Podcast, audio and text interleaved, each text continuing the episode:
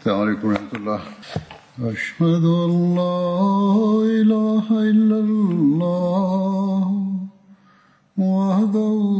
لا شريك له وأشهد أن محمدا عبده ورسوله. أما بعد فأعوذ بالله من الشيطان الرجيم. بسم الله الرحمن الرحيم. الحمد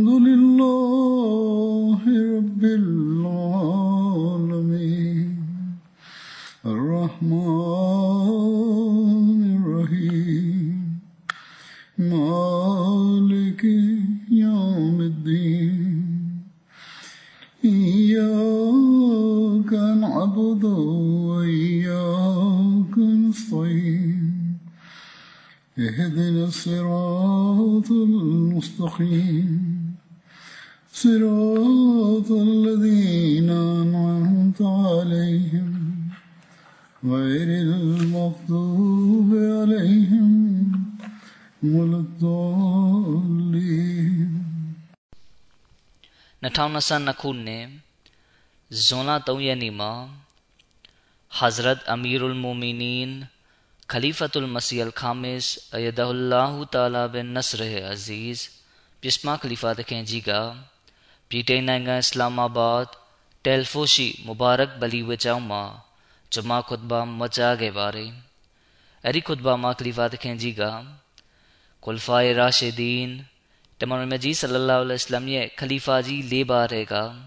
Hazrat Abu Bakr Siddiq ရဒီအလာဟူအန်ဟူတခင်ရဲ့အကြောင်းကို ဆက်လက်မကြားတင်ပြခဲ့ပါတယ်။ခလီဖာတခင်ကြီးမိန့်ကြားတော်မူသည်မှာလွန်ခဲ့တဲ့သတင်းပတ်တွေတုန်းကအဘူဘကာဆစ်ဒီကရဒီအလာဟူအန်ဟူတခင်ရဲ့အကြောင်းကို တင်ပြလျက်ရှိပါတယ်။တမန်တော်မြတ်ဆလလောလ္လဟ်အလัยဟ်ကွယ်လွန်ပြီးလင်ပြီးချင်းမှာပင်မွနာဖစ်ယုံကြည်ဟန်ဆောင်သူတွေတပုံထဆန့်ကျင်တဲ့သူတွေနဲ့တိုက်ပွဲဖြစ်ပွားတဲ့အကြောင်းကို နောက်ဆုံးတင်ပြခဲ့တာဖြစ်ပါတယ်။ အဲဒီမှာခါလစ်ဘင်ဝလီတခင်နဲ့မုဆိုင်လမာရဲ့ဂျားမှာတိုက်ပွဲဖြစ်ပွားတဲ့အကြောင်းတင်ပြခဲ့ပါတယ်။အဲဒီစစ်ပွဲမှာမွတ်စလင်အုပ်စုဘက်ကအလံကိုင်စစ်သည်တွေရဲ့တူရတတ္တိရှိမှုအကြောင်းကိုတင်ပြခဲ့ပါတယ်။အန်ဆွာရီတွေကိုကိုစားပြုတဲ့အလံကိုဆာဘစ်ဘင်ကတ်တခင်ကကင်ထားပြီးတော့မူဟာဂျီတွေကိုကိုစားပြုတဲ့အလံကိုဇိုက်ဘင်ခတ်တပ်တခင်ကကင်ထားပါတယ်။ဇိုက်ဘင်ခတ်တပ်တခင်ကမွတ်စလင်စစ်သည်တွေကိုအိုးစစ်သည်ပေါင်းတို့ ခိုင်မာစွာရက်တီကြလောရန်သူတွေကိုအင်အားအပြည့်ဖြင့်တိုက်ခိုက်ကြလျက်ရှေ့သို့သာခြိတက်ပါဟုညာသံပေးခဲ့ပါတယ်။ဇိုက်ဘင်ခတ်တပ်တခင်ကဆက်လက်ပြီးကျွန်ုပ်သည်အလာဤအလိုတော်ဖြင့်ရန်သူတို့ကြာဆုံးခြင်းမရှိလေသမျှသို့မဟုတ်ကျွန်ုပ်ကိုယ်တိုင်ရှဟစ်ဖြစ်သေဆုံးလျက်အရှင်မြတ်နှင့်တွေ့ဆုံပြီးအရှင်အားပြောဆိုတင်ပြမှု မပြုရလေသမျှအသင်တို့အားစကားပြောမည်မဟုတ်ပါဆိုပြီးတိုင်တယ်ပြီးပြောပါတယ်။ အဲဒီနောက်ဇိုက်ဘင်ခတ်တပ်တခင်ကအဲ့ဒီစစ်ပွဲမှာရှဟစ်ဖြစ်ကွယ်လွန်သွားခဲ့ပါတယ်။ဇိုက်ဘင်ခတ်တပ်တခင်ရဲ့အကြောင်းကိုတမိုင်းဆင့်ပြန်ချက်တွေမှာဖော်ပြထားပါတယ်။ဇိုက်တခင်ကအိုမာတခင်နဲ့အဖေတူအမေကွဲညီကိုဖြစ်ပါတယ်။ဇိုက်တခင်ကအစ္စလာမ်ကိုရှေးဦးလက်ခံယုံကြည်လာသူများနှံ့မှဖြစ်ပါတယ်။ဘဒရ်စစ်ပွဲပါဝင်ဂနဦးစစ်ပွဲအတော်များများမှာလည်းပါဝင်ခဲ့ပါတယ်။တမန်တော်မြတ်ဆလလောလ္လဟ်အလัยဟ်ကဟစ်ဂျရတ်ပြုပြီးနောက်မှာ ဇိုက်ဘင်ခတပ်တခင်နဲ့မအန်ဘင်အဒီအန်ဆာရီတခင်ရဲ့ဂျားမှာညီနောင်ဖွဲ့ပေးခဲ့ပါတယ်။ဒီတာဝကတော်နှစ်ပါးစလုံးကယမာမာစစ်ပွဲမှာရှဟီဒ်ဖြစ်ခဲ့ကြပါတယ်။ယမာမာစစ်ပွဲမှာခါလစ်တခင်ကစစ်တီတွေကိုတန်းဖွဲ့စေတဲ့အခါစစ်တပ်ရဲ့တောင်ပန်တစ်ဖက်မှာကြီးကြပ်ကုတ်ကဲရတဲ့စစ်ဗိုလ်ချုပ်ဖြစ်ဇိုက်ဘင်ခတပ်တခင်ကိုခန့်အပ်ခဲ့ပါတယ်။ဒါပြင်အဲ့ဒီစစ်ပွဲမှာမူဟာဂျီတွေကိုကိုစားပြုတဲ့အစ္စလမ်အလံကိုလည်း ဇိုက်တခင်ကပဲကင်ဆောင်ခဲ့ပါတယ်။ဇိုက်တခင်ကအလံကိုကင်ဆောင်လျက်ရှေ့သို့သာခြိတက်နေခဲ့ပြီးရဲဝံ့စွာတိုက်ခိုက်ခဲ့ပါတယ်။ဒီလိုတိုက်ခိုက်ရင်းနဲ့နောက်ဆုံးမှာရှဟီဖြစ်ကြာဆုံးသွားခဲ့ပါတယ်။အဲ့ဒီခါမှာတခင်ကင်ထားတဲ့အလံကလည်းလဲကျသွားပါတယ်ဒီအခါဆာလင်မော်လာအဘီဟိုဇိုင်ဖာတခင်ကလဲကျလူနီးပါးဖြစ်နေတဲ့အလံကိုကင်လိုက်ပါတယ်အဲ့ဒီစစ်ပွဲမှာဇိုက်တခင်ကမုဆိုင်လမာဘက်ကစစ်ဗိုလ်ချုပ်တဦးဖြစ်တဲ့ ရီဂျယ်ဘင်အွန်ဖဝါကိုတတ်လိုက်ပါတယ်တတခင်ကိုတပ်ဖြတ်ခဲ့တဲ့လူကအဘူမရီယမ်ဟာနီဖာဆိုတဲ့လူဖြစ်ပါတယ်ဒီနောက်ပိုင်းမှာအဘူမရီယမ်ဟာနီဖာမွတ်စလင်ဖြစ်လာခဲ့ပါတယ်တခါမှဥမာတခင်ကအဘူမရီယမ်ကိုအသင်ကကျွန်ုပ်၏ညီကိုတတ်လိုက်သည်မဟုတ်လောဆိုပြီးပြောတဲ့အခါအဘူမရီယမ်ကလည်းအိုးယုံကြည်သူတို့၏ကောင်းဆောင်အလရှမြတ်ကကျွန်တော်မျိုး၏လက်အားဖြင့်ဇိုက်ဘင်ခတပ်တခင်အားဂုံတိတ်ခါချီးမြှင့်ခဲ့ခြင်းဖြစ်ပါတယ် ထို့ပြင်ကျွန်တော်မျိုးကိုလည်းသူ့ကိုတတ်ချင်းကြောင့်အရှင်မြတ်ကနှိမ့်ချစေခဲ့ခြင်းမရှိပါဆိုပြီးရှောက်ထားပါတယ်အဘူမရီယမ်ဆိုလိုတဲ့သဘောကကျွန်တော်မျိုးကဇိုက်ဘင်ခတပ်တခင်ကိုတတ်လိုက်ခြင်းကြောင့်သူသည်ရှဟီဒီမီသောအဆင့်ကိုရရှိသွားပါသည်ဒိုနီတူကျွန်တော်မျိုးသည်လည်းနောက်ဆုံးတွင်မွတ်စလင်ဖြစ်လာခဲ့သည့်အတွက်အလရှမြတ်ကကျွန်တော်မျိုးကိုလည်းနှိမ့်ချအောင်ပြုခဲ့ခြင်းမရှိပါဥမာတခင်ရဲ့သားတော်အဗ်ဒူလာဘင်ဥမာကလည်းယမာမာစစ်ပွဲမှာပါဝင်ခဲ့ပါတယ် သူကမဒီနာမြို့သို့ပြန်လာတဲ့အခါဥမာတခင်ကမိမိရဲ့ရှဟီဖြစ်သွားတဲ့ညီဖြစ်သူဇိုက်ဘင်ခတပ်အတွက်ဝမ်းနဲ့စိတ်မကောင်းဖြစ်လျက်အသင်ကအသင်ဦးလေးဇိုက်ရှဟီဖြစ်သွားတာတောင်ဘာကြောင့်ပြန်လာရတာလဲဘာကြောင့်ကျွန်ုပ်ကိုမတွေ့ရအောင်ရှောင်မနေရတာလဲဆိုပြီးပြောပါတယ်ဇိုက်တခင်အသက်ခံရတဲ့တရင်ကအိုမာတခင်ထံရောက်ရှိတဲ့အခါအိုမာတခင်ကဇိုက်ဒီနှမျိုးသောကောင်းမှုတွင်ကျွန်ုပ်ထက်တာလွန်သွားခဲ့ပြီး တခုမှကျွန်ုပ်ထက်အလျင်အစ္စလမ်ကိုလက်ခံခဲ့ခြင်းဖြစ်ပြီးကြံကောင်းမှုတစ်ခုမှာကျွန်ုပ်ထက်အလျင်ရှဟီဖြစ်ခဲ့ခြင်းစသည်တို့ဖြစ်သည်ဆိုပြီးမိန့်ကြားပါတယ်မာလစ်ဘင်နိုဝိုင်ရာကိုခါလစ်တခင်ကကွပ်မျက်လိုက်တဲ့အခါမှာမာလစ်ရဲ့အကိုမုတမင်ဘင်နိုဝိုင်ရာကမာလစ်အတွက်လွမ်းချင်းကြပြားတစ်ခုကိုဆက်ဆိုပါတယ်သူကသူ့ရဲ့အကိုအားလွန်စွာချစ်ခင်တာကြောင့်မကြာခဏဆိုသလိုလွမ်းဆွတ်တဲ့အတွက်ငိုကြွေးနေတတ်ပါတယ် အဲဒီလိုအခါမျိုးတွေမှာသူကကြပြားဆက်ဆိုလေးရှိပါတယ်တခါမှမုတမင်အူမာတခင်နဲ့တွေ့ဆုံတဲ့အခါမိမိအကိုနဲ့ပတ်သက်ပြီးဆက်ဆိုထားတဲ့လွမ်းချင်းကြပြားကိုရွတ်ပြပါတယ်ဒီခါအူမာတခင်ကကျွန်ုပ်လည်းကြပြားဆက်ဆိုတတ်တယ်ဆိုရင်အသင်ကဲ့သို့ပင်ကျွန်ုပ်၏ညီကိုဇိုက်တွက်လွမ်းချင်းကြပြားဆက်ဆိုမိတာဖြစ်သည်ဆိုပြီးမိန့်ကြားပါတယ်မုတမင်ကအူမာတခင်ကိုကျွန်တော်မျိုး၏အကိုတေဆုံးခြင်းကတခင်ညီတော်မောင် ကွယ်လွန်တေဆုံးသလိုရှဟီဒီအဖြစ်နဲ့ကွယ်လွန်တေဆုံးခဲ့ပြီဆိုရင်ကျွန်တော်မျိုးမိသည့်အခါတွင်မျှကျွန်တော်မျိုး၏ညီနောင်အတွက်ဝမ်းနဲ့စိတ်မကောင်းဖြစ်မီမဟုတ်ပါဆိုပြီးရှောက်ထားပါတယ်။ဥမာတခင်ကကျွန်တော်၏ညီနောင်နှင့်ဆက်လင်း၍အလွန်ကောင်းမွန်လှပစွာအသင်တင်ပြပြောဆိုသလိုအခြားမိသူကမျှပြောဆိုဘူးခြင်းမရှိပါဆိုပြီးမိန့်ကြားပါတယ်။ဥမာတခင်မိန့်ကြားလေးရှိတာကနနလင်းလို့နေ့တစ်တနေ့ရောက်လာသည်နှင့်ဇိုက်ကိုလွမ်းဆွသည့်စိတ်ကအသစ်ဖြစ်လာတတ်သည် မိတို့ဆိုစေအခုကယမမာစစ်ပွဲအကြောင်းကိုတင်ပြနေခြင်းဖြစ်ပါတယ်မုဆိုင်လမာကဇပ်ကစစ်ပွဲဆင်နွှဲဖို့အတွက်ခိုင်မာစွာရည်တည်လျက်ရှိပြီးသူ့ရဲ့မြို့ကမယုံကြည်သွေးဖီသူတွေအတွက်စစ်ပွဲရဲ့ဗဟိုဌာနချုပ်ဖြစ်လို့နေပါတယ်ခါလစ်တခင်ကမုဆိုင်လမာကိုမတပ်ဖြတ်နိုင်သေးသမျှကာလပတ်လုံးစစ်ပွဲပြီးမှမဟုတ်ဘူးဆိုတာကိုကောင်းစွာသိရှိနားလည်ထားပါတယ်။ဘာကြောင့်လဲဆိုတော့ဘသူမဆိုဘနီဟနီဖာလူမျိုးစုတွေကတအူးကိုတတ်လိုက်နိုင်ရင်တောင် ဒါကသူတို့ပေါ်ဘလို့မှမတက်ရောက်တာကြောင့်ပါပဲဒါကြောင့်ခါလစ်တခင်ကဘနူဟနီဖာတို့ထံသို့တဦးတည်းရောက်ရှိလာပြီးသူတို့နဲ့တဦးချင်းတိုက်ခိုက်ဖို့အတွက်စစ်ခေါ်လိုက်ပါတယ်ပြီးနောက်ကြပြာဆိုလျက်ကြွေးကြော်မှုပြုပါတယ်မွတ်စလင်တွေရဲ့ကြပြာကယာမုဟမ္မဒါဆိုတာပဲဖြစ်ပါတယ်အဲ့ဒီနောက်ဘနူဟနီဖာတဲကစစ်တိုက်ဖို့ထွက်လာသူမှန်သမျှကိုခါလစ်တခင်ကတိုက်ခိုက်တပ်ဖြတ်ပါတယ်ဒီနောက်မှာတော့မွတ်စလင်တွေကစိတ်အားထက်သန်ပြင်းပြစွာစစ်တိုက်ကြပါတယ် ခါလစ်တခင်ကမွတ်ဆိုင်လမာကိုတဦးချင်းရှင်ပြိုင်တိုက်ခိုက်ဖို့စိန်ခေါ်ပါတယ်မွတ်ဆိုင်လမာကလည်းခါလစ်တခင်ရဲ့စိန်ခေါ်မှုကိုလက်ခံလျက်ရှေ့သို့ထွက်လာပါတယ်ခါလစ်တခင်ကမွတ်ဆိုင်လမာရဲ့ဆန္ဒအတိုင်းအချို့အကြောင်းအရာတွေကိုတင်ပြပါတယ်ပြီးနောက်မှာခါလစ်တခင်နဲ့မွတ်ဆိုင်လမာတို့တိုက်ခိုက်ကြပါတယ်မွတ်ဆိုင်လမာကတော့ထွက်ပြေးသွားခဲ့ပါတယ်ဒါပြင်သူ့ရဲ့အပေါင်းဖော်စစ်သည်တွေကလည်းထွက်ပြေးသွားခဲ့ပါတယ်ဒီအခါခါလစ်တခင်ကမွတ်စလင်တွေကိုတတိပြုကြ ပေါ်ဆမှုမပြုကြနဲ့ဘသူကိုမှထွက်ပြေးလွတ်မြောက်သွားတာမျိုးအဖြစ်မခံနဲ့ရှေးတို့သာခြိတက်ပြီးတိုက်ခိုက်ကြဆိုပြီးအတန်ပြုလိုက်ပါတယ်ဒီလိုကြောင့်မွတ်စလင်တွေကလည်းရန်သူတွေရဲ့နောက်သို့အလုံးရင်းနဲ့လိုက်လံတိုက်ခိုက်ပါတယ်တာဝကတော်တွေကအဲ့ဒီစစ်ပွဲမှာကြံ့ကြံ့ခံရက်တီမှုဆိုင်ရာစံနမူနာကိုအနိုင်မဲ့စွာပြသခဲ့ကြပါတယ်တာဝကတော်တွေဟာရန်သူဘက်သို့ဇက်တိုက်ခြိတက်နေခဲ့ပါတယ်ဒီလိုနဲ့နောက်ဆုံးမှာလရှမြတ်ကမွတ်စလင်တွေကိုအောင်နိုင်စေခဲ့ပါတယ် မယုံကြည်သူကာဖာတွေကကြောက်အားလန့်အားနဲ့ထွက်ပြေးသွားခဲ့ကြပါတယ်။မွတ်စလင်တွေကသူတို့နောက်သို့လိုက်ခဲ့ကြပြီးတိုက်ခိုက်တပ်ဖြတ်ခဲ့ကြပါတယ်။ဒီလိုနဲ့နောက်ဆုံးမှာရန်သူတွေကထွက်ပြေးကြရင်းနဲ့ဥယျာဉ်ကြီးတစ်ခုမှာမလွဲမရှောင်သာခိုလုံခဲ့ရပါတယ်ဘနူဟနီဖာလူမျိုးစုရဲ့ခေါင်းဆောင်တဦးဖြစ်တဲ့မိုကင်ဘင်တိုဖိုင်ကထွက်ပြေးရင်းနဲ့မိမိရဲ့လူတွေကိုဒီဥယျာဉ်တဲသို့ဝင်ရောက်ပုန်းအောင်ကြပါဆိုပြီးပြောဆိုခဲ့ပါတယ်။အဲဒီဥယျာဉ်ကြီးကအလွန်ကျယ်ဝန်းပါတယ်။ ဥယျာဉ်ကြီးရဲ့လေးပတ်လေးတန်မှာအုတ်တိုင်းတွေနဲ့ခတ်ထားပါတယ်။ဒီနောက်မိုဟကင်ကမိမိတို့နောက်ကလိုက်လာတဲ့မွတ်စလင်အုပ်စုကိုပြန်လဲတုံ့ပြန်တိုက်ခိုက်ကြပါတယ်။အဲ့ဒီဥယျာဉ်ကစစ်မြေပြင်ရဲ့အနီးမှာသာရှိပါတယ်။အဲ့ဒီဥယျာဉ်ကလည်းမုဆိုင်လမာပိုင်တဲ့ဥယျာဉ်ဖြစ်ပါတယ်။အဲ့ဒီဥယျာဉ်ကိုဟာဒီကတ်တူရဟမန်လို့ခေါ်ပါတယ်။ပမာပြောရရင်မုဆိုင်လမာကိုရာဟမန်နုလ်ယမာမာလို့ခေါ်တယ်လို့ပဲဖြစ်ပါတယ်။ဒါပေမဲ့ ယမာမာစစ်ပွဲအတွင်းအဲ့ဒီဥယျာဉ်ထဲမှာရန်သူတွေများစွာအသက်ခံရတဲ့အတွက်အဲ့ဒီဥယျာဉ်ကိုဟာဒီကတ်တူလ်မောက်တေခြင်းဥယျာဉ်လို့ခေါ်ပေါ်လာပါတယ်။မုဆိုင်လမာကဇပ်ကလည်းမိမိရဲ့လူတွေနဲ့အတူအဲ့ဒီဥယျာဉ်ထဲသို့ဝင်ရောက်သွားပါတယ်။ဒါကိုအဗ်ဒူရဟ်မန်ဘင်အဘူဘကာကဘနူခနီဖာလူမျိုးစုရဲ့ခေါင်းဆောင်တွေထဲကတဦးဖြစ်သူမိုဟကင်ကမိကွန်းပြောကြားနေတာကိုတွေ့တဲ့အခါ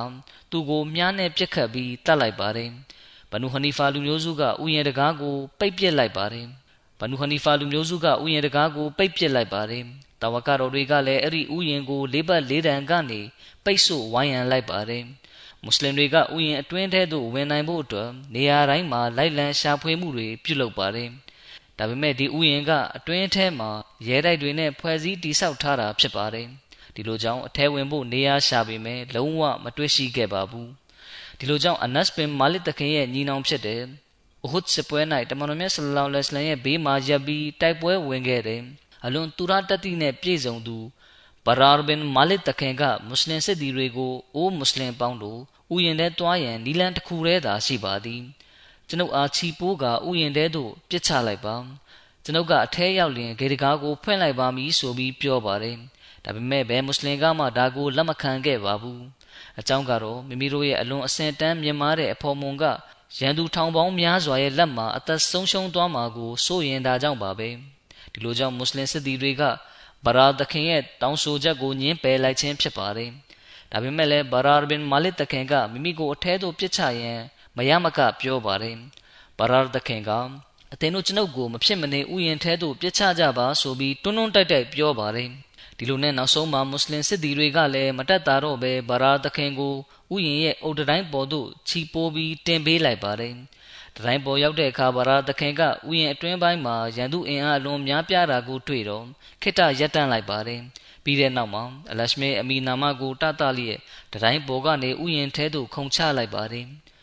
ဥယျာဉ်ထဲရောက်တယ်ဆိုရင်ပဲရန်သူတွေကိုတိုက်ခိုက်ရင်းနဲ့ဂေတကားစီတို့တခုံထိုးသွားပါတယ်။ နောက်ဆုံးမှာဗရာသခင်ကဂေတကားစီရောက်သွားပြီးဥယျာဉ်ဂေတကားကိုပါဖွင့်ချလိုက်ပါတယ်။မွတ်စလင်စစ်သည်တွေကလည်းအပြင်ဘက်မှာတကားဖွင့်မှာကိုစောင့်ဆိုင်လျက်ရှိပါတယ်။တကားဖွင့်လိုက်တာနဲ့မွတ်စလင်တွေကဥယျာဉ်ထဲသို့အလျင်မြန်ဝင်ရောက်ကြပြီးရန်သူတွေကိုတိုက်ခိုက်တပ်ဖြတ်ပါတယ်။မွတ်စလင်တွေရဲ့တိုက်ခိုက်မှုကိုမခံနိုင်ဘဲဘနုခနီဖာလူမျိုးစုကထွက်ပြေးပါတယ်။ဒါပေမဲ့လည်းသူတို့ကဥယျာဉ်အပြင်ဘက်သို့ထွက်မပြေးနိုင်ကြပါဘူး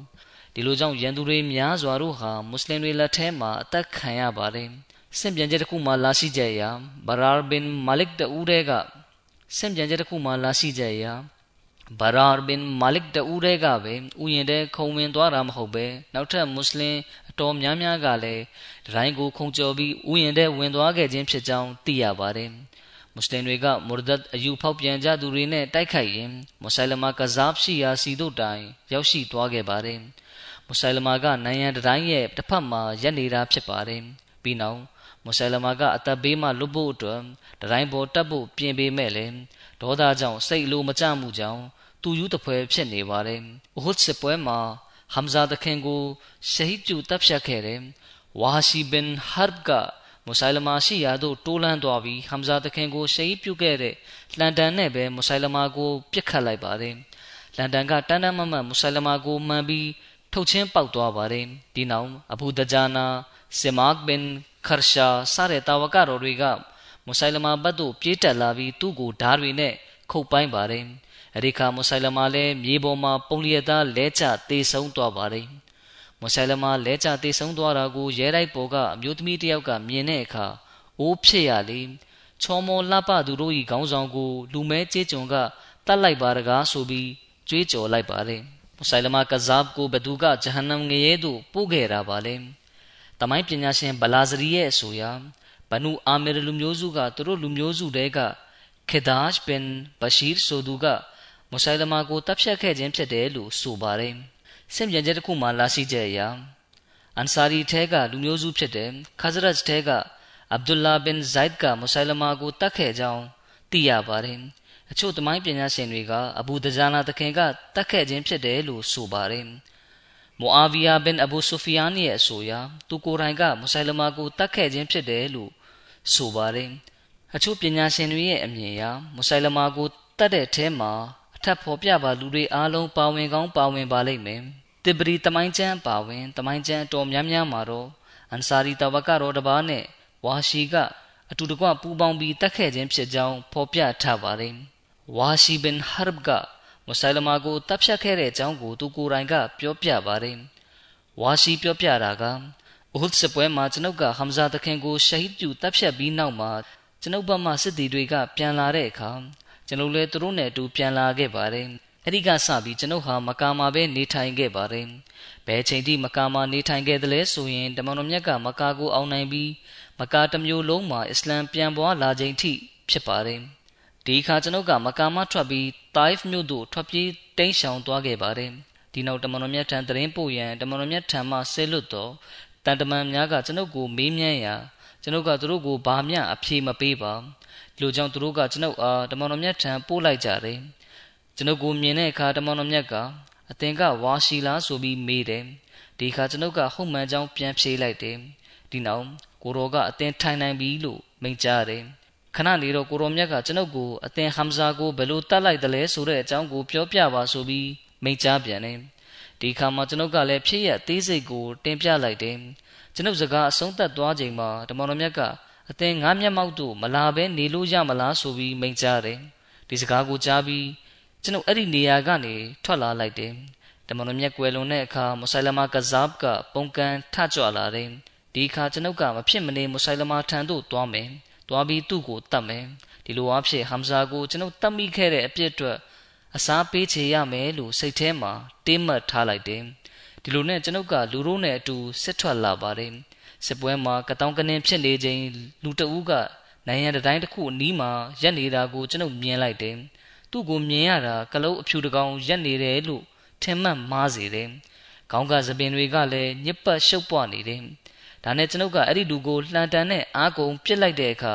သူ့ရင်ဘတ်ကနေလှန်ကထုတ်ချင်းခတ်ပြီးနောက်ကျောကိုပေါက်ထွက်တယ်။သူလဲကျသွားတယ်။ဒီနောက်အန်ဆာရီတဝကတော်တစ်ပါးက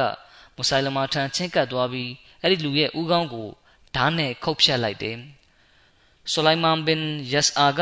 အဗ်ဒူလာဘင်ဥမာထံမှဆင့်ပြန်ပါတယ်။မုဆိုင်လမာအသက်ခံရသောအခါလာသာဆောင်မှာရှိနေသောအမျိုးသမီးတဦးကမုဆိုင်လမာကိုကြည့်ပြီး ယုံကြည်သူတို့၏ခေါင်းဆောင်ကို လူမဲကျေးကျွန်ကတတ်လိုက်ပြီဟုအော်ဟစ်ပြောဆိုလေသည်ဒါကဘုခါရီကျမ်းထဲကဆင့်ပြချက်ဖြစ်ပါတယ်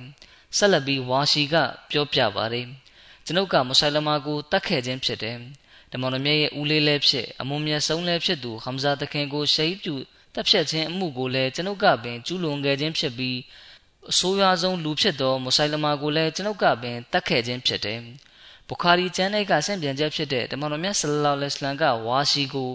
ငါကိုရောရှေ့သို့အသင်မလာဘဲနေလို့ရမလားဆိုပြီးမိန့်တော်မူတဲ့ဟဒီစ်တော်ကိုရှင်းလင်းလျက်ရှာဝလီယူလာဇိုင်နုလ်အာဘေဒင်ဆာဟစ်ကရေးပါတယ်ဝါရှိထံတွင် ဖြစ်ပေါ်လာသောပြောင်းလဲမှုကသူ၏ဖြူစင်မှုကိုတတ်သေးပြနေပေသည်သူကမိမိမှားခဲ့သောအမားကိုမိသည့်နည်းဖြင့်မဆိုပြုပြင်တက်မှတ်ရန်ဆန္ဒရှိပါသည်ထို့ကြောင့်ယမမာစစ်ပွဲတွင်ဝါရှိက မိမိထိုဆန္ဒကို ဖြည့်ဆည်းခဲ့လေသည်တမန်တော်မြတ်ဆလ္လာလဟ်အလိုင်းမိန့်ကြားသည်ဝဟလ်တစတအီဘူလ်အန်တဂိုင်ယီဘာဝဂျဟကအန်နီအသင်မျက်နာကိုကျွန်ုပ်အားမပြရင်အသင်အတွက်ဖြစ်နိုင်ပါသလိုဆိုသည့်စကားစုကတမန်တော်မြတ်ဆလ္လာလဟ်အလိုင်းအလွန်မြင့်မားသောကိုကျင်တရားကို ပြသနေသည့်ကျင်းပုံဖြစ်ပါသည်တမန်တော်မြတ်ဆလ္လာလဟ်အလိုင်းကဝါရှိကို အသင်အနေနဲ့ကျွန်ုပ်၏ရှေ့သို့မလာဘဲနေလို့ဖြစ်နိုင်ပြီလောဟူ၍သာမိန့်ကြားခဲ့ခြင်းဖြစ်သည်ထိုမိန့်ကြားချက်၌ခေါင်းဆောင်တဦးတွင်ရှိသည့်မန်မျိုးမပါဝင်ဘဲကျွန်းတော်နှိမ့်ချသောလူတစ်ယောက်၏ခံစားချက်သာပါဝင်သည်ထို့ပြင်ကိုရော၏စိတ်ထဲတွင်ရှိသောဟမ်ဇာတခင်ကိုချစ်သည့်ချစ်ချင်းမေတ္တာမှာပေါ်လွင်ပါသည်လက်စားချေတုံ့ပြန်တတ်သောစိတ်တဘာဝရှိသူကမိမိပေါ်ကျူးလွန်မိသောအပြစ်အတွက်လက်စားချေခြင်းဖြင့်စိတ်ကိုတတ်တာရရအောင်လှုပ်လေ့ရှိပါသည် တို့ရာတွင်တမန်တော်မြတ်ဆလလောလဟ်အလัยဟ်ကအပြစ်မယူဘဲခွင့်လွှတ်ခဲ့ပြီးမိမိရှိသို့မလာရောက်ရန်သာဆန္ဒရှိခဲ့သည်တို့ဖြင့်ဟမ်ဇာတခင်နာကျင်ပွဲကောင်းသောတေဆုံးခြင်းကိုသတိရပြီးကိုတော်၏စိတ်ကိုမထိခိုက်စေရန်ဖြစ်သည်ယမမာစစ်ပွဲအကြောင်းကိုအခြားဆင့်မြင်ချက်တစ်ခုမှာဖော်ပြလာရှိတာကို တွေ့ရပါတယ်အဲဒီဆင့်ပြန်ချက်မှာမွတ်စလင်တွေရဲ့တူရတတ္တိနဲ့ရဲရင်မှုကိုပြတ်သားစွာ တွေ့ရပါတယ်နှစ်ဖက်အုပ်စုကြားမှာအလွန်ပြင်းထန်စွာတိုက်ပွဲဖြစ်ပွားပြီး နှစ်ဖက်အုပ်စုမှလူများစွာတို့သည်အသက်ခံရသူကခံရဒဏ်ရာရသူကရနဲ့ဖြစ်ကြပါတယ်မွတ်စလင်တွေထဲမှာမာလစ်ဘင်အော့စ်တခင်ကပထမဆုံးရှဟီဒ်ဖြစ်ပါတယ်မွတ်စလင်တွေထဲမှာကုရ်အန်အာဂုံဆောင်ဟာဖစ်များစွာရှဟီဒ်ဖြစ်ကွယ်လွန်ခဲ့ပါတယ်စစ်တပ်နှစ်ဖက်စလုံးကြားမှာအပြင်းထန်တိုက်ပွဲဖြစ်ပွားခဲ့ပါတယ်မွတ်စလင်တွေကနောက်သို့ဆုတ်ပြီးဆိုရင်မုဆိုင်လမာရဲ့စစ်တပ်ကရှေ့သို့တက်ပါတယ်ဒီလိုအဖြစ်မူဂျာအာထံသို့ရောက်ရှိနိုင်ဖို့ဖြစ်ပါတယ် ဆာလင်မောလာအဘူဟူဇိုင်ဖာကခန္ဓာကိုယ်တစ်ဝက်လောက်မြုပ်မဲ့တွင်းတစ်ခုကိုတူးပါတယ်သူ့လက်ထဲမှာမဟာဂျီတွေကိုကိုစားပြုတဲ့အလံကိုကင်ဆောင်ထားပါတယ်ဆာဘစ်ကလည်းမိတွက်အဲ့ဒီတိုင်းတွင်းတစ်ခုတူးပါတယ်ပြီးတဲ့နောက်ဒီတာဝကတော်နှစ်ပါးစလုံးကအလံနှစ်ခုကိုမိမိတို့ခန္ဓာကိုယ်မှာတွဲချီပါတယ်ဆိုလိုတာကတွင်းထဲမှာမတိုက်ရပြီးအလံကိုခန္ဓာကိုယ်နဲ့တွဲချီလိုက်ခြင်းဖြစ်ပါတယ်ပြီးတဲ့နောက်သူတို့နှစ်ယောက်စလုံးကအလံကိုစီကိုချီလျက်ခိုင်မာစွာရပ်နေကြပါတယ် အဲ့ဒီလိုအနေထားနဲ့သူတို့နှစ်ယောက်ကကောင်းစွာတိုက်ပွဲဝင်ခဲ့ကြပါတယ်တိုက်ပွဲဝင်ရင်းနဲ့ဆာလင်ကရှိတ်ဖြစ်ကြာဆုံးပါတယ်ဒါပြင်အဘူဟူဇိုင်ဖာတခင်လည်းရှိတ်ဖြစ်ကြာဆုံးခဲ့ပါတယ်အဘူဟူဇိုင်ဖာတခင်ရဲ့ဥကောင်းကဆာလင်ရဲ့ခြေရင်းမှာရှိနေပြီးဆာလင်ရဲ့ဥကောင်းကအဘူဟူဇိုင်ဖာရဲ့ခြေရင်းမှာရှိနေပါတယ်ဒီလိုကြောင့်ဆာလင်ထံမှာရှိနေတဲ့အလံကလည်းအချိန်တစ်ခုထိမြေပြင်ပေါ်မှာကျနေပါတယ်ဘသူကမှအလံကိုကောက်မကင်ကြပါဘူး ဘဒရီဆာဘာဖြစ်တဲ့ယဇီဒ်ဘင်ကတ်တခင်ကရှေ့သို့တက်လာပြီးအလံကိုကောက်ယူလိုက်ပါတယ်အဲဒီနောက်ယဇီဒ်ဘင်ကတ်ကလည်းရှဟီဒ်ဖြစ်ကွယ်လွန်သွားခဲ့ပါတယ်ဒီလိုကြောင့်ဟကမ်ဘင်ဆာအစ်ဘင်အာစ်ကအဲ့ဒီအလံကိုကောက်ယူလိုက်ပြီးအလံကိုကန်၍ထိမ့်သိမ်းစောင့်ရှောက်လျက်ရန်သူတွေကိုတိုက်ခိုက်နေခဲ့ပါတယ်ဒီလိုတိုက်ခိုက်ရင်းနဲ့ဟကမ်လဲရှိတ်ဖြစ်ကြာဆုံးသွားခဲ့ပါတယ်ဝါရှိကပြောပါတယ် ယမမစစ်ပွဲကအလွန်ပြင်းထန်တယ်သုံးချိန်တိုင်းမွတ်စလင်တွေဟာရိမ့်ရိုင်းပြိုလဲခဲ့ကြတယ်စရုပ်ထချိန်မှာမွတ်စလင်တွေကပြန်လှည့်ပြီးရန်သူတွေကိုတိုက်ခိုက်ခဲ့ကြတယ်မွတ်စလင်တွေဟာခိုင်မာစွာရပ်တည်ပြီးတိုက်ပွဲဝင်လာနိုင်တယ်မွတ်စလင်တွေဟာရန်သူဓာတွေရဲ့ရှေ့မှာမမမမရက်လာနိုင်တယ်ဘနူဟနီဖာတို့ရဲ့ဓာချက်တွေကသူတို့အချင်းချင်းပေါ်ကြာရောက်ကုန်တယ်ဓာချင်းထိခတ်တဲ့အတွက်မီးပွင့်တာကိုတောင်ကျွန်ုပ်မြင်ရတယ် ဒါပြင်ဓာချင်းထိတဲ့အတန်တွေလည်းစူညံစွာထွက်ပေါ်လာတယ်အလရှမြတ်ကကျွန်ုပ်တို့ကိုကူညီဆောင်မတော်မူခဲ့ပြီးဘနူခနီဖာလူမျိုးစုကိုစစ်ရှုံးစေခဲ့ပါတယ်အလရှမြတ်ရဲ့အလိုတော်ဖြင့်မုဆိုင်လမာအသက်ခံရတယ်ယမမာစစ်ပွဲမှာကျွန်ုပ်ကကျွန်ုပ်ရဲ့ဓာကိုကောင်းစွာတုံးချခဲ့ပြီးကျွန်ုပ်ရဲ့ဓာတစ်ချောင်းလုံးသွေးတို့ဖြင့်ချင်းချင်းหนีသွားခဲ့ပါတယ်အစ်ဘနဥမာတခင်ကဆင့်ပြန်ပါတယ်ကျွန်ုပ်ကအမားတခင်ကိုတောင်ထွတ်တစ်ခုပေါ်သို့တက်သွားသည်ကိုမြင်ရသည်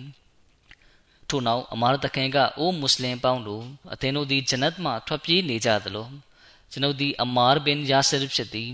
ကျွန်ုပ်ဘက်သို့လာကြကုန်ဟုခေါ်နေသည်ထိုချိန်တွင်အမားတခင်၏နေရွက်တစ်ဖက်မှပြတ်ထွက်လူနီးပါးဖြစ်နေပြီးတွဲလောင်းကျနေသည်ကိုကျွန်ုပ်မြင်ရသည်အဘူခိုင်စမာနဂျာရီကဆင့်ပြန်ပါတယ်မွတ်စလင်တို့သည်ယမမာစစ်ပွဲတွင်ကစင်ကလေးအားဖြစ်ကြသောအခါကျွန်ုပ်ကတစ်ဖက်သို့ထွက်ရလိုက်သည်ကျွန်ုပ်၏မျက်စိရှိတွင်မြင်ရသောမြင်ကွင်းမှာ အဘူဒဂျာနာသခင်၏လှုပ်ရှားမှုများပင်ဖြစ်သည်အဘူဒဂျာနာ၏နာမည်မှာဆီမတ်ဘင်ဒက်ရှာဖြစ်သည်ဆီမတ်ဘင်ဒက်ရှာဆိုသည်မှာအဘူဒဂျာနာ၏မိသားစုမျိုးရိုးနာမည်ဖြစ်သည်သခင်အားသခင်၏မိသားစုမျိုးရိုးနာမည်ဖြင့်လူသိများပါသည်ထိုတာဝကတော်ကြီးမှာတမန်တော်မြတ်ဆလလောလဟ်အလัยဟိဝါစလမ်နှင့်အတူစစ်ပွဲအားလုံးတွင် ပါဝင်ခဲ့သူဖြစ်ပါသည်။ဦးစစ်ပွဲတွင်တမန်တော်မြတ်က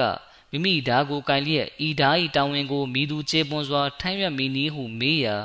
အဘူဒဂျာနာကကျွန်တော်မျိုးထမ်းဆောင်ပါမည်ဟုဖြေလေသည်။တမန်တော်မြတ်ဆလလောလဟ်အလัยဟိဝါစလမ်ကလည်းမိမိဓာကိုအဘူဒဂျာနာ၏လက်ထဲသို့ထည့်ပေးလိုက်သည်။အခြားဆင့်ပြန်ချက်တွေမှာလာရှိကြရာတမန်တော်မြတ်ဆလလောလဟ်အလัยဟိဝါစလမ်ကအဘူဒဂျာနာလက်ထဲသို့မိမိရဲ့ဓာကိုထည့်ပေးတဲ့အခါဤဓာ၏တာဝန်ကိုခြေပွန်စွာထမ်းဆောင်ပါဆိုပြီးမိန့်ကြားပါတယ်။ ဒါပေမဲ့ဒီဓာရဲ့တာဝန်ကဘာလဲဆိုတာကိုမသိတဲ့အတွက်အဘူဒဂျာနာသခင်ကဤဓာဤတာဝန်မှာမိဒီပါနီကိုရောဆိုပြီးမေးလျှောက်ပါတယ်တမန်တော်မြတ်ဆလလောလ္လဟ်အလိုင်းကဤဓာဤတာဝန်မှာမွတ်စလင်တို့အားမတပ်ဖြတ်ရမယုံကြည်တွေ့ဖီသူကာဖာတို့ကိုကြောက်ပြီးထော်မပြေးရဆိုပြီးမိန့်ကြားပါတယ်အဘူဒဂျာနာတခင်ကစစ်ပွဲမှာမိမိပြုလုပ်နေကြအတိုင်းဦးကောင်းမှာအနီရောင်ပဝါကိုစီးနှောင်လိုက်ပါတယ်ပြီးတဲ့နောက်ဂုံယူဝင်ကြွားစွာရင်ကိုကော့ခေါင်းကိုမော့လျက် စစ်တီတန်းကြားမှာလာရက်လိုက်ပါတယ်ဒီခါတမန်တော်မြတ်ဆလလောလ္လဟ်အလိုင်းကဤသို့သောကိုဟန်အနေထားကိုအလရှမြတ်ကနှစ်သက်ခြင်းမရှိသည်မှာမှန်၏သို့သောဤသို့သောအခွင့်ခါတွင်မူပြုပိုင်ခွင့်ရှိပါသည်ဆိုပြီးမိန့်ကြားပါတယ်ဒီနောက်မှာအဘူတဂျာနာသခင်ကစစ်ပွဲမှာအလွန်ရဲရင်စွာတိုက်ပွဲဝင်ခဲ့ပါတယ်ဂါဖာမယုံကြည်တွေ့ဖီသူများစွာအသက်ခံရပါတယ် ဒီတိုင်းပဲတာဝကတော်များစွာတို့ကလည်းတမန်တော်မြတ်ဆလလောလ္လဟ်အလိုင်းကိုကာကွယ်ရင်းနဲ့ဒဏ်ရာဒဏ်ချက်များစွာရရှိခဲ့ပါတယ်ဒီလိုရှိပေမဲ့လည်းစစ်မြေပြင်ကနေဖဲခွာမသွားခဲ့ပါဘူးအခုတင်ပြခဲ့တာကအိုးစစ်ပွဲကဖြစ်ရက်ကိုတင်ပြခဲ့ခြင်းဖြစ်ပါတယ်ယမမာစစ်ပွဲမှာအဘူဒဂျာနာကိုဘနုခနီဖာလူမျိုးစုတွေကအုပ်စုတစ်ခုကတိုက်ခိုက်ခဲ့ပါတယ်အဲ့ဒီအုပ်စုကသခင်ကိုအဖက်ဖက်ကနေဝိုင်းရန်ပြီးတော့တိုက်ခိုက်ခြင်းဖြစ်ပါတယ် အရှိဘက်ကနေလည်းတိုက်ခိုက်သလိုလက်ရဘက်ကနေရောလက်ဝဲဘက်ကနေပါတိုက်ခိုက်ကြပါတယ်ဒီခါသခင်ကရန်သူတယောက်ကိုတိုက်ခိုက်ပြီးမြေပြင်ပေါ်မှာလဲကျအောင်လုပ်နိုင်ခဲ့ပါတယ်သခင်ကဘာစကားတခွန်းမှမပြောဘဲရန်သူတွေကိုဒရကြမ်းတိုက်ခိုက်နေခဲ့ပါတယ်နောက်ဆုံးမှာရန်သူတွေကသခင်အနီးကနေထွက်ခွာသွားခဲ့ကြပါတယ်အဲဒီခါမွတ်စလင်တွေကသခင်အနားကိုရောက်ရှိလာကြပါတယ်ဘနူဟနီဖာလူမျိုးစုကဆစ်ရှုံးတဲ့အတွက်ဥယျင်ကြီးတဲ့သို့ထွက်ပြေးသွားခဲ့ကြပါတယ် မွတ်စလင်တွေကလည်းသူတို့နောက်ကလိုက်ပါတယ်နောက်ဆုံးမှာရန်သူတွေကဥယျင်ကြီးတဲ့ကနေအပြင်သို့ထွက်လာလို့မရအောင်မွတ်စလင်တွေကိုဝိုင်းရန်ပိတ်ဆို့လိုက်ပါတယ်ရန်သူတွေကဥယျင်ဂိတ်တကားကိုပိတ်လိုက်ကြပါတယ်အဘူဒဂျာနာသခင်ကမွတ်စလင်တွေကိုကျွန်ုပ်အားအသင်တို့၏ဒိုင်းလွှားများဖြင့်ပင့်တင်လျက်ဥယျင်ထဲသို့ပြစ်သွင်းပါတို့မှသာကျွန်ုပ်ကအထဲမှနေ၍ဥယျင်ဂေတကားကိုဖွင့်ချလိုက်ရန်ဖြစ်သည်ဆိုပြီးပြောပါတယ် မွတ်စလင်တွေကလည်းအဘူဒဂျာနာသခင်ပြောတဲ့အတိုင်းလှုပ်ဆောင်ကြပြီးအထဲသို့ပို့ဆောင်ပေးခဲ့ကြပါတယ်ဥယျင်ထဲရောက်ပြီးနောက်အဘူဒဂျာနာသခင်ကရန်သူတွေကိုအသင်တို့ထွက်ပြေးသွားရင်လည်းကျွန်ုပ်တို့လက်မှလွတ်နိုင်မှာမဟုတ်ဘူးဆိုပြီးအော်ပြောလိုက်ပါတယ်အဘူဒဂျာနာသခင်ကရန်သူတွေကိုဒရကြန်တိုက်ခိုက်ပြီးဂိတ်တကားကိုဖွင့်ချလိုက်ပါတယ်စင်ပြန်သူကပြောပြသည်မှာကျွန်တော်တို့ဟာအဘူဒဂျာနာရှိရာဥယျင်ကြီးတဲ့သို့ဝင်ရောက်လာချိန်မှာတော့သခင်ကရှိတ်ဖြစ်ကွယ်လွန်သွားခဲ့ပြီဖြစ်ပါတယ် အခြားဆင့်ပြန်ချက်တစ်ခုမှလာရှိကြရာဘာရာဘင်မာလစ်သခင်ကိုဥယျင်ထဲပြစ်သွင်းခဲ့ခြင်းဖြစ်ပါတယ်ဘာရာဘင်မာလစ်သခင်ကိုဥယျင်ထဲပြစ်သွင်းခဲ့တဲ့ဆင့်ပြန်ချက်ကပုံမမှန်ကန်နိုင်ဖို့များပါတယ်ဒါနဲ့ပတ်သက်တဲ့အသေးစိတ်ဖြစ်ရက်ကလည်းရှိနေတဲ့အတွက်ကြောင့်ဖြစ်ပါတယ်ကျန်တဲ့အကြောင်းအရာတွေကိုတော့နောက်ခါမှာဆက်လက်တင်ပြပါမယ်ယခုကျွန်တော်အနေနဲ့ပါကစ္စတန်နိုင်ငံအတွက်တဝါဆူတောင်းပေးဖို့ပန်ကြားလိုပါတယ်ပါကစ္စတန်နိုင်ငံကအာမဒီတွေအတွက်အထူးတဝါဆူတောင်းကြပါ ပါကစ္စတန်တနိုင်ငံလုံးကယိုယွင်းပျက်စီးနေတာမှန်ပေမဲ့အဲဒီလိုနိုင်ငံရေးအရပျက်စီးနေပြီဆိုရင်သူတို့ဟာပြည်သူတွေကိုအာယုံပြောင်းဖို့အတွက်အာမဒီတွေဘက်သို့အာယုံစိုက်လာကြပါတယ်အခုလဲပါကစ္စတန်မှာရန်ပြူဆန့်ကျင်မှုတွေတိုးပွားလာနေပါတယ်သူတို့ဟာဘယ်လောက်တောင်အခြေအနေဆိုးနေသလဲဆိုရင်ကွယ်လွန်ပြီးသားဖြစ်တဲ့ကဘာတဲကအာမဒီရုပ်လောင်းတွေကိုတောင်ပြန်လဲတူးဆွပြီးလွင့်ပစ်တာတွေပြုလုပ်ကြပါတယ် ဒါဟာအလွန်ဆိုးသွမ်းရုပ်ပါပြီးအောက်တန်းကြတဲ့လုပ်ရဖြစ်ပါတယ်အလရှမြတ်ဒီလူတွေကိုအရေးယူဖမ်းဆီးတော်မူပါစေဒီတိုင်းပဲအယ်ဂျီးရီးယားနိုင်ငံကအာမဒီတွေအတွက်လည်းတဝါဆူတောင်းကြပါသူတို့လည်းအလွန်ခက်ခဲတဲ့အခြေအနေနဲ့ရင်ဆိုင်နေရပါတယ်ပါကစ္စတန်အာဖဂန်နစ္စတန်နိုင်ငံကအာမဒီတွေအတွက်လည်းတဝါဆူတောင်းကြပါအလရှမြတ်သူတို့အားလုံးပေါ်ကောင်းကြီးမင်္ဂလာပေးသနာတော်မူပြီးအခက်ခဲဒုက္ခတွေကနေကယ်တင်တော်မူပါစေအာမင် ဆက်လက်ပြီးကျွန်တော်အနေနဲ့ကွယ်လွန်သူတချို့အကြောင်းကို တင်ပြလိုပါတယ်ဂျမာနမတ်ပြီးတဲ့နောက်မှာသူတို့အတွက်ဂျနာဇာနမတ်ကိုလည်းဝတ်ပြုပါမယ်ကွယ်လွန်သူပထမပုဂ္ဂိုလ်ကနစီမဟဒီဆာဟစ်ဖြစ်ပါတယ်နစီမဟဒီဆာဟစ်ကမူဘလစ်တာဒနာပြုတဦးဖြစ်ပါတယ်သူကမောလာနာအာမတ်ခန်နစီမ်ဆာဟစ်ရဲ့တားဖြစ်ပါတယ်လွန်ခဲ့တဲ့ရန်နေငယ်ကအသက်69နှစ်အရွယ်မှာကွယ်လွန်သွားခဲ့ခြင်းဖြစ်ပါတယ်အင်နာလ illah ဝအင်နာအီလိုင်ဟီရာဂျီအွန် အလရှမြဲဖဇလ်ကျေးဇူးတော်နဲ့သူကမူစီဝစီယပြုလုပ်ထားသူဖြစ်ပါတယ်သူကအိမ်အောင်နှစ်ဆက်ပြုခဲ့ပါတယ်ပထမဇနီးကကွယ်လွန်သွားခဲ့ပါတယ်ဒုတိယဇနီးကတော့အသက်ထင်ရှားရှိပါတယ်ဇနီးနှစ်ဦးစလုံးနဲ့သားနှစ်ယောက်စီထွန်းကားပြီးသမီးတဦးစီလည်းထွန်းကားပါတယ်သူက1963ခုနှစ်မှာရဘွာမြို့ဂျာမီယာသာသနာတက္ကသိုလ်ကနေဘွဲရခဲ့ပါတယ်ပြီးတဲ့နောက် အစလာဝါအစ်ရှာဒ်မှာတာဝန်ထမ်းဆောင်ပါတယ်1983ခုနှစ်မှာဆွစ်ဇာလန်နိုင်ငံသို့မူဘလစ်အနေနဲ့ဆင်းလွတ်ခဲ့ပါတယ်အဲ့ဒီမှာလဲဂျမားတီရဲ့တာဝန်တွေကိုထမ်းဆောင်ခဲ့ပါတယ်1984ခုနှစ်မှာသူ့ကိုနာအစ်အမီးအဖြစ်တာဝန်ပေးခန့်အပ်ခဲ့ပါတယ်1984ခုနှစ်ဒီဇင်ဘာလမှာလန်ဒန်မြို့သို့ရောက်ရှိလာပြီးစလုထခလီဖာသခင်ရဲ့ကိုရေးအတွင်းရေးမှုအဖြစ်တာဝန်ထမ်းဆောင်ခဲ့ပါတယ် 1985ခုနှစ်မှာကနေဒါနိုင်ငံ၌တာဝန်ထမ်းဆောင်ဖို့ထွက်ခွာသွားခဲ့ပါတယ်1985ခုနှစ်ကနေ2008ခုနှစ်အထိ Mobilic in Charge အဖြစ်တာဝန်ထမ်းဆောင်ခဲ့ပါတယ်။အဲဒီကာလအတွင်းမှာကနေဒါနိုင်ငံရဲ့အမီးဖြစ်လဲတာဝန်ထမ်းဆောင်ခဲ့ပါတယ်။2009ခုနှစ်ကနေ2016ခုနှစ်အထိအမေရိကန်နိုင်ငံရဲ့ Mobilic အဖြစ်တာဝန်ထမ်းဆောင်ခဲ့ပါတယ်။အဲဒီကာလမှာသူနာမကျန်းဖြစ်တဲ့အတွက် ဆွစ်ဇာလန်နိုင်ငံသို့နောက်တစ်ကြိမ်ရောက်ရှိခဲ့ပါတယ်။ဆရာဝန်ကသူ့ကိုအလွန်လေးလံပြီးကြီးမားတဲ့လုပ်ငန်းတာဝန်တွေကိုလှုပ်ဆောင်လို့မရဘူးလို့ပြောခဲ့ပါတယ်။ဒီကြောင့်ကိုသူကကျွန်တော်ထံစာရေးပြောပြတဲ့အတွက်ကျွန်တော်ကသူ့ကိုဆရာဝန်ပြောတဲ့အတိုင်းလိုက်နာပါမိမိကျမ်းပါရေးကိုလည်းဂရုစိုက်ပါကျမ်းမာရေးပြန်လဲကောင်းမွန်လာပြီဆိုကျွန်တော်ကိုပြောပါအဲ့ဒီခါတာဝန်ပြန်ထမ်းဆောင်ဖို့ကျွန်တော်ပြောပါမယ်ဆိုပြီးစာပြန်ခဲ့ပါတယ် ဒါပေမဲ့သူကျမ်းမာရေးကစိုးတဲ့ဆိုးလာခဲ့ပါတယ်အထက်မှာကျွန်တော်ပြောခဲ့သလိုနစီမဟဒီဆာဟစ်က1985ခုနှစ်မှာကနေဒါနိုင်ငံသို့ထွက်လာခဲ့ပါတယ်1986ခုနှစ်မှာဘိုက်တူလ်ဆလာမ်ဗလီဝကျောင်းဆောက်လုပ်ရန်မြေဝယ်ခဲ့ပါတယ်ပြီးနောက်အဲ့ဒီမှာဗလီဝကျောင်းဆောက်လုပ်ခဲ့ပြီးလူတွေနဲ့စီကားလာအောင်လဲပြုလုပ်ခဲ့ပါတယ်အာမဒီတော်များများလဲကနေဒါသို့ပြောင်းရွှေ့လာခဲ့ကြပါတယ် ပြောင်းရွှေ့လာကြသူတွေအတွက်နစီမဟဒီဆာဟစ်ကများစွာကူညီပေးခဲ့ပါတယ်2003ခုနှစ်နစီမဟဒီဆာဟစ်တာဝန်ထမ်းဆောင်နေစဉ်မှာပဲကနေဒါနိုင်ငံဂျာမီယာမဒီယာကိုစတင်တည်ထောင်နိုင်ခဲ့ပါတယ် MTA မြောက်အမေရိက channel ကိုတီထောင်တဲ့နေရာမှာလဲသူ့ရဲ့အခန်းကဏ္ဍကများစွာပါဝင်ခဲ့ပါတယ်။သူလှုပ်ဆောင်ခဲ့တဲ့ဂျမာတ်အကျိုးပြုလုပ်ငန်းတွေကိုအလရှမြတ်လက်ခံတော်မူပါစေ။နစီမဟဒီဆာဟစ်ရဲ့ဇနီး အမတုလ်နစီဆာဟီဘာကရေးပါတယ်။နစီမဟဒီဆာဟစ်နဲ့ကျမရဲ့အိမ်အောင်သက်26နှစ်တာကာလမှာကျမဒုက္ခအခက်ခဲနဲ့ကြုံရချိန်တိုင်းအမြဲတမ်းအဖော်ပြူပေးသူတဦးဖြစ်ခဲ့ပါတယ်။အလွန်ချစ်ခင်တတ်ပြီးလေးစားသမှုနဲ့ပြုမှုဆက်ဆံတတ်တဲ့ခင်မွန်းကောင်းတူဖြစ်ပါတယ်။ဒါပြင်သားသမီးတွေပေါ်မှာချစ်ခင်တတ်တဲ့ဖခင်လည်းဖြစ်ပါတယ်။ညီကိုမောင်နှမတွေပေါ်မှာဆွန့်လွတ်အနစ်နာခံတတ်တဲ့သူဖြစ်ပါတယ်။လူသားချင်းစာနာထောက်ထားတဲ့သူ ခလာဖတ်ပေါ်မှာတစ္ဆာစောင့်တည်ပြီးအမိန့်နာခံတတ်သူအလရှမြတ်ပေါ်မှာပြေဝယုံကြည်ကိုးစားတတ်သူနဲ့သူတော်ကောင်းတဦးဖြစ်ပါတယ်။ကျမခင်မွန်းဟာလူတွေကိုများစွာကူညီပေးသူဖြစ်ပါတယ်။အခြားသူတွေကိုလည်းချစ်ခင်လေးစားစွာပြုမှုဆက်ဆံတတ်ပါတယ်။ဂျမာတ်နဲ့ဆန့်ကျင်ဘက်ဖြစ်တဲ့ဘယ်လိုစကားကိုမှလက်ခံနားထောင်ခြင်းမပြုသလိုဘသူကမှလည်းသူ့ရှေ့မှာဂျမာတ်နဲ့ဆန့်ကျင်တဲ့စကားကိုမပြောဝံပါဘူး။ဒါပြင်သူဟာလွန်စွာအဲဝကျေပွန်သူလည်းဖြစ်ပါတယ်။ ဒရူဒ်ရှရီဖ်ကိုလည်းများစွာဖတ်ယူသူဖြစ်ပါတယ်။ကျမကအူမရာပြုတ်ဖို့သွားတဲ့အခါကျမခင်မွန်းကကျမကို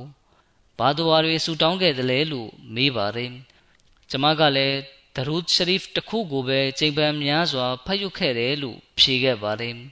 ဒီနောက်နစီမဲဒီဆာဟစ်ရဲ့တမီးကရေးပါတယ်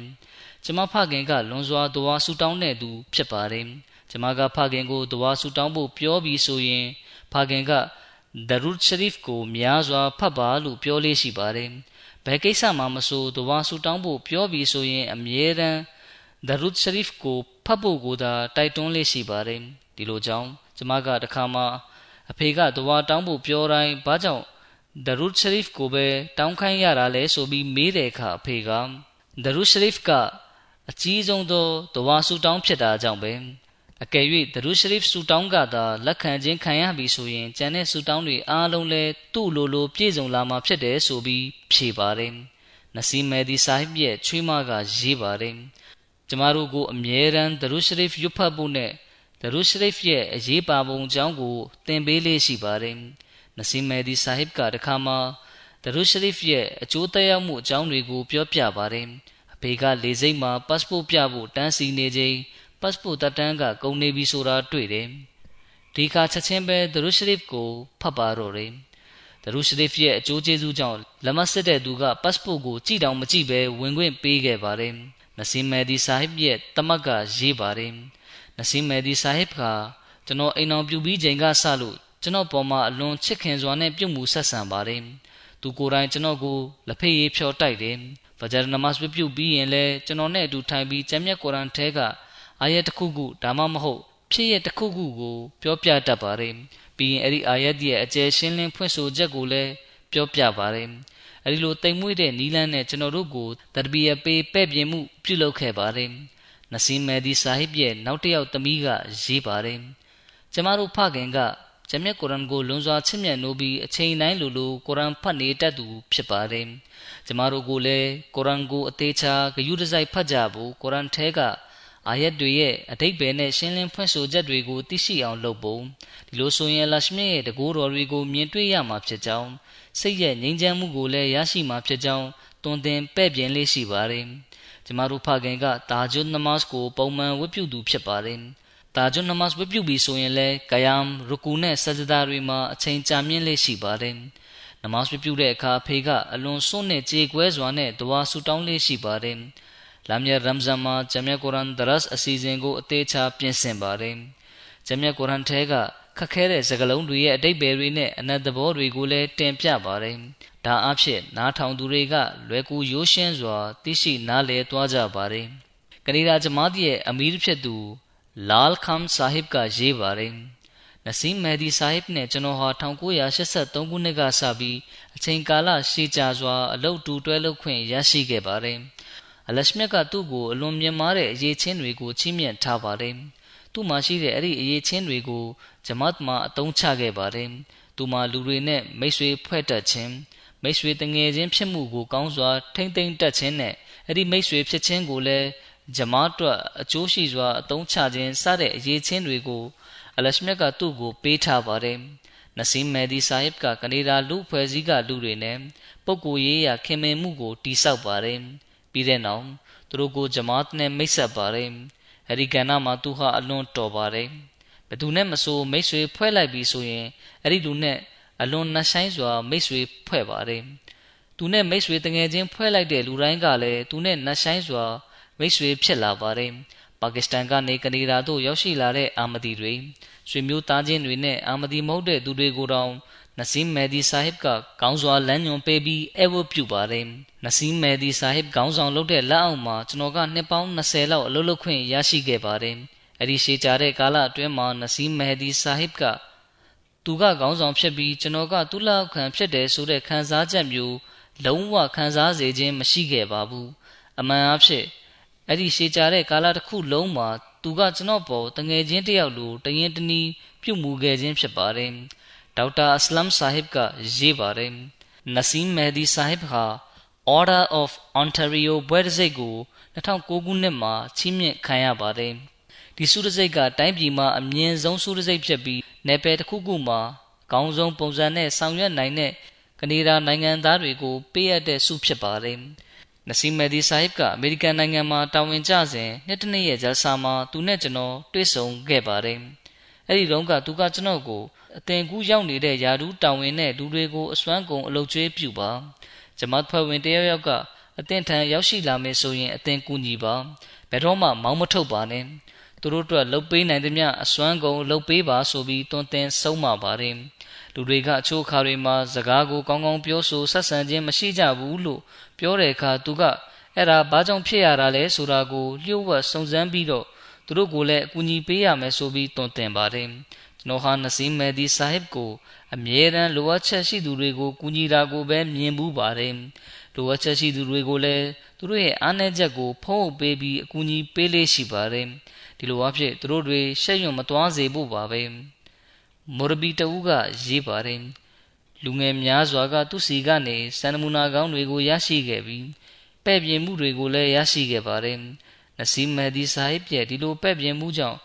ကမ္ဘာရက်ဒေတာအသီးသီးမှာကျွန်တော်တို့မော်ရဘီတွေကဂျမားတီရဲ့တာဝန်ကိုထမ်းဆောင်ခွင့်ရနေပါပြီ။နစီမဲဒီဆာဟစ်ရဲ့တွင်တင်မှုကြောင့်ပဲကျွန်တော်တို့ဟာချစ်မြတ်နိုးပုံကိုတင်ယူခဲ့ခြင်းဖြစ်ပြီးအမိတ်နာခံခြင်းရဲ့အသက်ဝိညာဉ်ကကျွန်တော်တို့အတွင်းမှာရှင်သန်လာခဲ့ခြင်းဖြစ်ပါတယ်။အမေရိကန်နိုင်ငံဂျမားတီရဲ့အမီးဖြစ်သူမီရဇာမက်ဖူရာမတ်ဆာဟစ်ကရေးပါတယ်။ နစီမ်မဲဒီဆာဟစ်က2016ခုနှစ်မှာ Mobilik in charge နဲ့ Naib Amir ဖြစ် အမေရိကန်နိုင်ငံဂျမတ်မှာတာဝန်ထမ်းဆောင်ခဲ့ပါတယ်။အမေရိကန်မှာသူကအလွန်ကောင်းမွန်တဲ့လုပ်ငန်းတွေကိုလှုပ်ဆောင်ခဲ့ပြီးအမေရိကန်နိုင်ငံအနှံ့မြို့တွေမှာရှိတဲ့ဂျမတ်တီးတီးတို့လှည့်လည်တွားရောက်ခဲ့ပါတယ်။အမေရိကန်နိုင်ငံပြည်내တီးတီးတို့ရောက်ရှိခဲ့ပြီးတဘလစ်လုပ်ငန်းစဉ်ကိုအလွန်တက်ရောက်မှုရှိစွာလှုပ်ဆောင်ခဲ့ပါတယ်။အဲ့ဒီအတော်တွင်းမှာနစီမဲဒီဆာဟစ်က မီဒီယာကတဆင်အစ္စလာမ်အာမဒီယသတင်းစကားကို နိုင်ငံတော်ဝန်မှာဖြန့်ချီခွင့်ရရှိခဲ့ပါတယ်။ဒါပြင်မက္ကဆီကိုနိုင်ငံမှာလည်းနစီမဲဒီဆာဟစ်အဖြစ် Mission House တည်ထောင်ခွင့်ကိုရရှိခဲ့ပါတယ်။အမေရိကန်နိုင်ငံမှာတဘလစ်တာဝန်ခံဆာယက်ဝစီမ်ဆာဟစ်ကရေးပါတယ်။အစ္စလမ်သာသနာကိုအလုကျွေးပြုတဲ့နေရာမှာ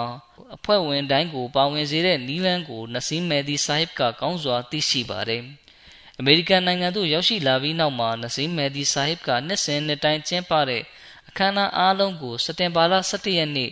အကြမ်းဖက်တိုက်ခိုက်မှုဖြစ်ရတဲ့ဆက်ဆက်ပြီးအစ္စလမ်ဘတ်သို့ဖိတ်ခေါ်တဲ့အစ္စလမ်ငြိမ်းချမ်းရေးသတင်းစကားဖြန့်ချီတဲ့အကြောင်းကံဖြစ်ပြုလုပ်ခဲ့ပါတယ်။ Muslim for Life for Muslim Muhammad Messenger of Peace စတဲ့ခေါင်းစဉ်တွေနဲ့တမန်တော်မြတ်ဆလ္လာလဟ်အလัยဟိဝါစလမ်အကြောင်းကမ်ပိန်းလုပ်ပြီးအစီအစဉ်တွေပြုလုပ်ခဲ့ပါတယ်။ အမေရိကန်နိုင်ငံမှာနစီမဲဒီဆာဟစ်က Life of Ahmad ဆိုတဲ့ခေါင်းစဉ်နဲ့မိန့်ခွန်းဟောကြားပါတယ်။အဲဒီမိန့်ခွန်းကိုစာဆောင်ထုတ်ပြီးအမေရိကန်နိုင်ငံရဲ့တက္ကသိုလ်6ခုမှာဝင်ငှခဲ့ပါတယ်။ဒါပြင် Muslim for Loyalty ဆိုတဲ့ခေါင်းစဉ်နဲ့လည်းကမ်ပိန်းပြုလုပ်ခဲ့ပါတယ်။တက္ကသိုလ်အသီးသီးမှာလည်းမိန့်ခွန်းဟောကြားခဲ့ပါတယ်။ဒေသဆိုင်ရာအုပ်ချုပ်ရေးအာဏာပိုင်တွေနဲ့လည်းစီးဝေးပွဲတွေတွေ့ဆုံပွဲတွေကျင်းပခဲ့ပြီးအဲဒီမှာအစ္စလမ်တုံသင်ချက်တွေကိုတင်ပြခဲ့ပါတယ်။ တတိယခလီဖာသခင်ကဂျလ်ဆာခန်းနာတစ်ခုမှာဆွစ်ဇာလန်နိုင်ငံဂျမားတီရဲ့မစ်ရှင်နဲ့ပတ်သက်ပြီးအဲ့ဒီမှာဂျမားတီရဲ့သတင်းစကားပို့ဆောင်တဲ့လက်ကမ်းစာဆောင်ဝင်ငှတဲ့နေရာမှာနစီမ်မဟဒီဆာဟစ်ရဲ့လှုပ်ဆောင်ချက်အကြောင်းကိုဖော်ပြလျက်ခုလိုမိန့်ကြားပါတယ်ဆွစ်ဇာလန်နိုင်ငံရဲ့တောင်ပေါ်ဒေသမှာနေထိုင်တဲ့လူမျိုးစု၃ခုရှိပါတယ်။အဲဒီလူမျိုးစု၃ခုစလုံးရဲ့ဘာသာစကားတွေကတစ်ခုနဲ့တစ်ခုမတူညီကြပါဘူး။လူဦးရေစုစုပေါင်း2800ရှိပါတယ်။ ဒီလူတွေအားလုံးထံအစ္စလာမ်အာမဒီယတ်သတင်းစကားပါဝင်တဲ့လက်ကမ်းစာဆောင်တစ်ခုကိုဝေငှခဲ့ပါတယ်။နစင်မဲဒီဆာဟစ်ကကျွန်တော်တတိယခလီဖာသခင်နဲ့တိုင်ပင်နှီးနှောပြီးနောက်မှာလက်ကမ်းစာဆောင်အရေးအတွက်8000ကိုအိမ်တိုင်းစိတ်ဝေငှခဲ့ပါတယ်။အဲဒီမှာအလွန်ကြော်ကြားသွားခဲ့ပြီးလူတွေရဲ့ဝေဖန်မှုကလည်းမြင့်တက်လာခဲ့ပါတယ်။သတင်းစာတွေမှာလည်းဒီအကြောင်းကိုတော်လေးရေးသားကြပါတယ်။ဒါအဖြစ်နစီမဲဒီဆာဟစ်တို့ ကျွန်တော်ရဲ့ဆူတောင်းတွေလက်ခံခြင်းခံရပြီဆိုတာသိနိုင်ပါတယ်။လက်ကမ်းစာဆောင်တွေလည်းရာထောင်ကြီးဝေငှနိုင်ခဲ့ပါတယ်။ဒါကတတိယခလီဖာသခင်တင်ပြခဲ့တဲ့အစီရင်ခံစာအကျဉ်းဖြစ်ပါတယ်။ကနေဒါနိုင်ငံမှာကနဦးဂျလ်ဆာကျင်းပခြင်းတွေတုန်းကဂျလ်ဆာကျင်းပရာနေရာဝန်းကျင်မှာအိမ်တချို့ရှိပါတယ်။ဂျလ်ဆာကလာတဲ့အတန်တွေကြောင့်စူးညံနေဆိုပြီးပတ်ဝန်းကျင်ရှိလူတချို့ကအစိုးရအာဏာပိုင်တွေကိုတိုင်လိုက်ပါတယ်။ ဒီလိုကြောင့်အစိုးရအာဏာပိုင်တွေကလည်းဂျဆာကျင်းပဖို့အခြားနေရာကိုရွှေ့ပေးလိုက်ပါတယ်အသေးရတဲ့နောက်တစ်ခုနေရာကမူလနေရာထပ်ပိုပြီးအင်ဂျီထူထပ်ပါတယ်ဒီခါနစင်းမဲဒီဆာဟစ်ကအခုဆိုရင်ရခင်ထပ်ပိုပြီးလူတွေကတိုင်ကြားတော့မှာပဲဒါကြောင့်အကောင်းဆုံးနီလန်းကတော့ဒီပတ်ဝန်းကျင်ကအိမ်တွေအားလုံးကိုအာမဒီတွေဝယ်လိုက်ရင်ကောင်းမယ်ဆိုပြီးပြောပါတယ်ဒီလိုကြောင့်နစင်းမဲဒီဆာဟစ်ကကနေဒါရှိအာမဒီတွေကိုအဓိကအိမ်တွေကိုဝယ်ယူကြဖို့စော်ဩပါတယ် အာမဒီတွေကလည်းနစီမဲဒီဆာဟစ်ရဲ့တိုက်တွန်းမှုကိုနာခံကြလျက်အဲ့ဒီနေရာမှာအိမ်တွေကိုဝယ်ယူလိုက်ကြပါတယ်ဒီလိုနဲ့တဖြည်းဖြည်းအဲ့ဒီပေါင်မင်းကျင်တစ်ခုလုံးကအိမ်တွေအားလုံးဟာအာမဒီအိမ်တွေဖြစ်သွားခဲ့ပါတယ်အဲ့ဒီနောက်အဲ့ဒီနေရာကို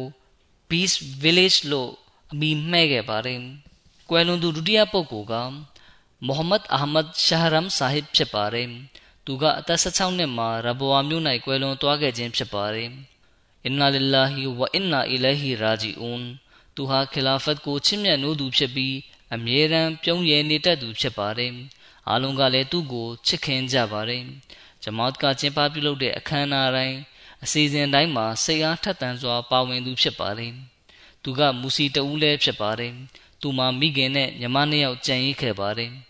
ကွယ်လွန်သူတတိယပုဂ္ဂိုလ်ကဆလီမာကမရ်ဆာဟီဘာဖြစ်ပါတယ် အင်နာလ illah ဝအင်နာအီလိုင်ဟီရာဂျီအွန်သူမကရရှိဒ်အာမတ်ဆပ်မရဟူမ်ရဲ့ဇနီးဖြစ်ပါတယ်သူမရဲ့ဖခင်ကဆဒရ်အူမူမီတာဝန်ခံဖြစ်၎င်းခလာဖတ်စာကြည့်တဲ့မှုဖြစ်၎င်းတာဝန်ထမ်းဆောင်ခဲ့ပါတယ်ဆလီမာကမရ်ဆာဟီဘာကလဂျနာမျိုးသမီးစီယုံမှာအခမ်းကဏ္ဍအသီးသီးကနေတာဝန်ထမ်းဆောင်ခဲ့သူဖြစ်ပါတယ်။သူမဟာတကွာတရားရှိသူဖြစ်ပြီးနမတ်ကိုဆွဲမြဲစွာဝတ်ပြုသူများစွာသောဆူတောင်းမှုပြုသူဖြစ်ပါတယ်။ သူမဟာခလာဖတ်ပေါ်တစ္ဆာစောင့်တည်သူဖြစ်ပြီးမြမားတဲ့ကိုကျင်တရားအရေးအသွေးတွေကို ပိုင်ဆိုင်ထားသူဖြစ်ပါတယ်။ရရှမြဒီကွယ်လွန်သူ၃ဦးအားတနာကျင်နာတော်မူလျက်မဂ်ဖရတ်ခွင့်လွှတ်ချမ်းသာပြုတော်မူပါစေ။သူတို့ရဲ့နာဝင်ကြပိုင်းဆိုင်ရာစင်တန်းကိုလည်းမြင့်တင်ပေးတော်မူပါစေ။ကြံရစ်ခဲ့တဲ့သားသမီးတွေကိုလည်းကြံ့ကြံ့ခံယက်တီနိုင်စွမ်းပေးသနာတော်မူပါစေ။သူတို့ရဲ့သားသမီးတွေလည်းသူတို့တိုင်ကောင်းမှုပွားများအားထုတ်သူတွေဖြစ်ကြပြီး